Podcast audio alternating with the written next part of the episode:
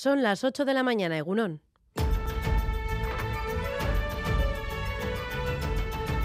Crónica de Euskadi con Irache Martínez. Los partidos políticos que firmaron este acuerdo en un principio le empiecen a dar vuelta al rumbo que ha tomado, porque los decretos que han sacado nos indican que lo que se quiere es blindar este sistema dual, que lo que se quiere es financiar más de lo que ya está la escuela privada concertada, la que garantiza la cohesión social es la escuela pública, la que defiende los derechos para la educación de todo el alumnado y de toda la sociedad es la escuela pública y la, y la euskaldunización también depende de tener una escuela pública en condiciones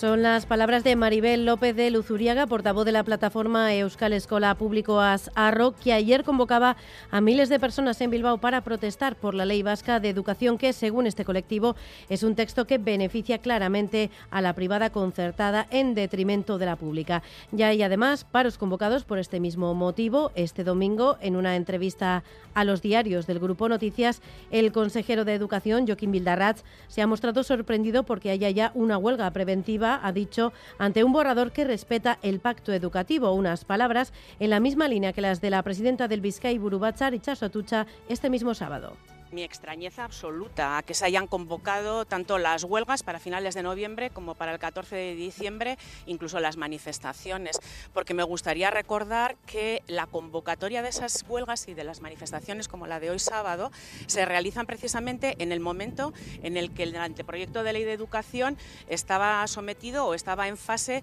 de aportaciones y propuestas.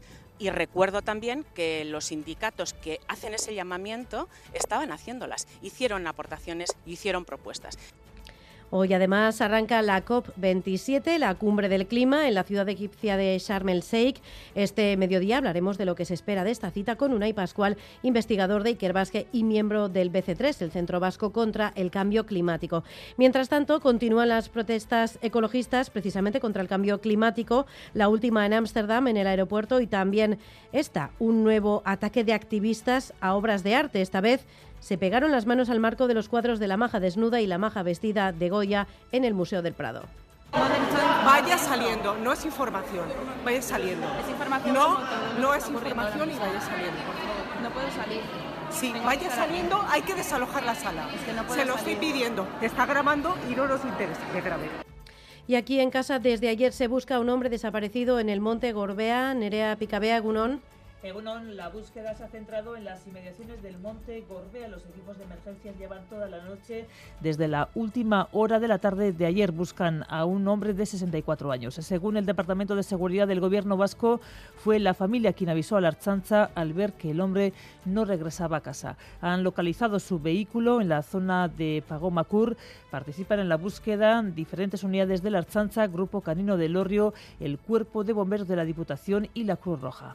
Vamos ya con los deportes. John Zubieta, Egunon. Egunon, hablamos de fútbol porque Osasuna supo sacar provecho de su visita a Balaídos y se impuso al Celta por 1-2 con tantos de Chimi Ávila. Los rojillos son quintos con 23 puntos, están por delante de la Real Sociedad a un punto de distancia. Los sururines, por cierto, se miden a las 4 y cuarto al Valencia en el Real Arena con el regreso de David Silva y Taquecubo. Por lo que se refiere a la, vez gloriosas, hablamos de fútbol femenino, se enfrenta este mediodía al Granadilla en Tenerife y en segunda división el Eibar se mide a Las Palmas, las Islas Afortunadas, con la pretensión de lograr un triunfo que les colocaría segundos en la tabla. En pelota, Ezcurdia logró ayer el billete para la final del 4 y medio tras imponerse a Pello Echeverría.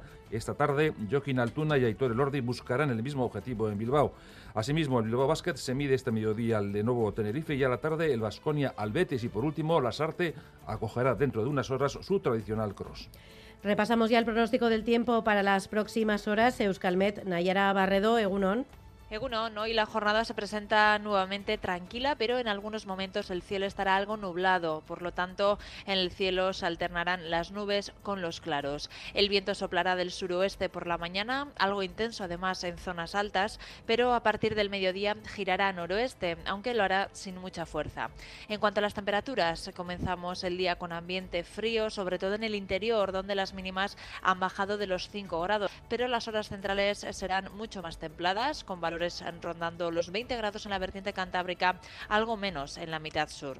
Por lo tanto, hoy veremos algunos intervalos nubosos y las horas centrales serán bastante templadas, sobre todo en el norte. En carreteras hasta ahora sin incidencias, pero tenemos que dar cuenta de un trágico suceso. Cuatro personas han resultado muertas después de registrarse esta madrugada un atropello múltiple en Torrejón de Ardoz, Xavi Segovia. Sí, el suceso ocurría sobre las 3 menos cuarto de esta madrugada en la avenida de la Constitución de esta localidad madrileña, cuando por causas que se investigan un grupo de personas era atropellada por un vehículo. Cuatro personas han fallecido en el lugar. Se trata de una mujer de 70 años y tres hombres de 17 a 60 años. Además, otras cuatro personas han sido heridas de gravedad y evacuadas a los hospitales de Coslada y Gregorio Marañón. Otros dos heridos de pronóstico potencialmente grave han sido evacuados al Hospital de Rojón y dos leves al Hospital Príncipe de Asturias. Es Carricasco Xavi. En el control técnico, Jesús Malo, Jorge Ibáñez y Asier Aparicio. Son las 8 y 6 minutos de la mañana. Comenzamos. Crónica de Euskadi con Irache Martínez.